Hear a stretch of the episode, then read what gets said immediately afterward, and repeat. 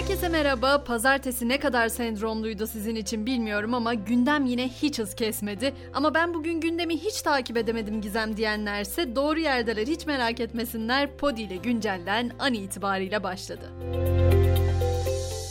Deprem bölgesine gidiyoruz ilk olarak çünkü bölgede artçı sarsıntılar hala sürüyor. Bölgenin yardıma hala ihtiyacı var. Bugün Malatya'nın Doğanşehir ilçesi 4,3 ve 4,2 büyüklüğünde iki depremle sallandı. Öte yandan 6 Şubat depremi nedeniyle Bingöl, Kayseri, Mardin, Tunceli, Niğde ve Batman'da afet bölgesi ilan edildi. Bu illerdeki bazı yerleşim birimlerinde de hasarlı binalar olduğu belirtildi. Öte yandan Malatya'nın Yeşilyurt ilçesinde depremde ağır hasar gören binaların yıkımı ve enkaz kaldırma çalışmaları sürüyor. Gaziantep'in Nurdağ ilçesinde ise inşa edilen köy tipi kalıcı konutların kaba inşaatının büyük oranda tamamlandığı belirtiliyor. Afet bölgesi için bir de hava durumu uyarısı var. Hemen onu da ekleyeyim. Meteoroloji bölge için toz taşınımı ve kuvvetli lodos uyarısında bulundu. Gelelim yeni ay ile birlikte açıklanan enflasyon verilerine. TÜFE'nin %2,29 arttığı Mart ayında yıllık enflasyonsa %50,51'e geriledi. Mart ayının zam şampiyonu %19,90'lık fiyatıyla dana eti oldu. En çok düşüşse %6,25 ile karayoluyla şehirler arası yolcu taşımacılığında gerçekleşti. Bu arada enflasyonun 3 ayda %12,52 olarak gerçekleşmesi sonrası memurlardan iyileştirme talebi geldi. Memur Sen Genel Başkanı Yalçın maaş ve ücretlerin eridiğini ve kayıpların artacağını kaydetti. İşçi ve işveren kesimi ise kamudaki 700 bin işçinin zammını belirlemek için çarşamba günü bir araya gelecek, işveren tarafının ilk teklifini sunması bekleniyor. Bir de indirim haberi var. Hemen onu da ekleyeyim. Otogaza gece yarısından itibaren indirim geliyor. 2 lira 12 kuruşluk indirim pompaya da yansıyacak ve LPG'nin litresi 10 lira 15 kuruş seviyesine inecek. Türkiye'nin yerli otomobili TOG'un ilk teslimatı ise Cumhurbaşkanı Erdoğan'a yapıldı. İlk aracın rengi Anadolu kırmızısı, plakası ise Emine Erdoğan'ın adının baş harflerinden 34EE 2071 olarak seçildi. Elbette son zamanların vazgeçilmez gündemi seçimden de bahsedeceğim. İttifak ve siyasi partilerin oy pusulalarındaki yerleri 8 Nisan'da belli olacak. Partilerin milletvekili listelerini en geç 9 Nisan'a kadar YSK'ya teslim etmesi gerekiyor. Başkentten İstanbul'a geçiyorum. Çok tartışılan bir konu vardı orada da İstanbul'un simge yapılarından Kız Kulesi'nde devam eden restorasyon çalışmalarında artık sona yaklaşıldı. İskelenin üst kısmının sökülmesiyle de o çok tartışılan nereye gitti soruları sorulan kubbe ortaya çıktı. Restorasyonun Mayıs ayı başında tamamlanması planlanıyor. Artık yavaş yavaş dünyadaki yolculuğumuza da başlayalım. Türkiye'nin de onay vermesiyle Finlandiya'nın NATO üyelik süreci tamamlandı. Kuruluşunun 74. yılında NATO yeni üye Finlandiya'yı ittifakın 31. üyesi olarak kabul etmeye hazırlanıyor.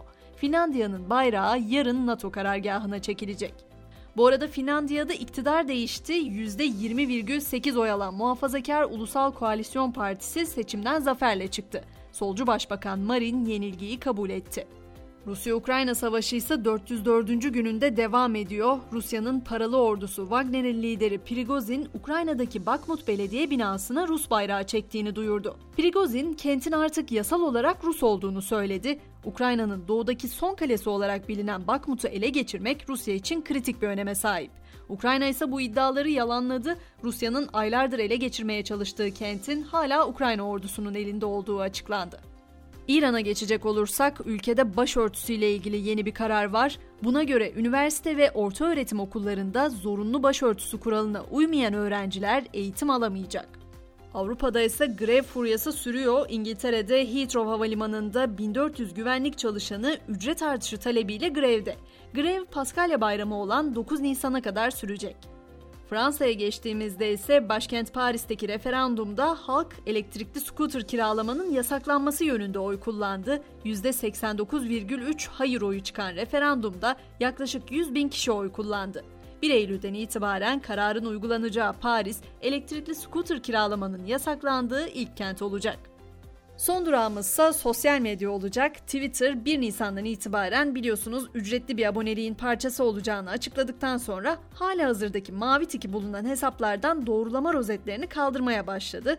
Bunun için ödeme yapmayacağını açıklamıştı New York Times gazetesi ve 54,9 milyon takipçili gazetenin mavi tiki kaldırıldı. Artık spor diyelim. Süper Lig'de 27. hafta bugün tek karşılaşmayla tamamlanacak. İstanbul Spor'la Fatih Karagümrük arasındaki mücadele saat 20.30'da başlayacak. Pota'da ise Basketbol Süper Ligi'nin 23. haftası bugün Fenerbahçe Galatasaray derbisine sahne olacak. Bu maçın başlama saati de 20.30 olacak. Bir de meraklıları için açık artırmanın haberini vereceğim. Michael Jordan'ın 1998 NBA final maçında giydiği ayakkabı bugün çevrim içi açık artırmaya çıkıyor. Ayakkabının 4 milyon dolara satılarak müzayede rekoru kırması bekleniyor. Ve artık güncelleni noktalıyoruz. Bu akşam mutlulukla olan çekişmemizi Baudelaire'in sözleriyle hatırlayalım istiyorum. Her nerede değilsem orada mutlu olacakmışım gibi gelir der Fransız şair. Eğer siz de böyle hissedenlerdenseniz mutlu olmayı başarmanın bir yerden ziyade kendimizde saklı olduğunu unutmayalım ve yarın sabah tekrar görüşelim isterim olur mu? Şimdilik hoşçakalın.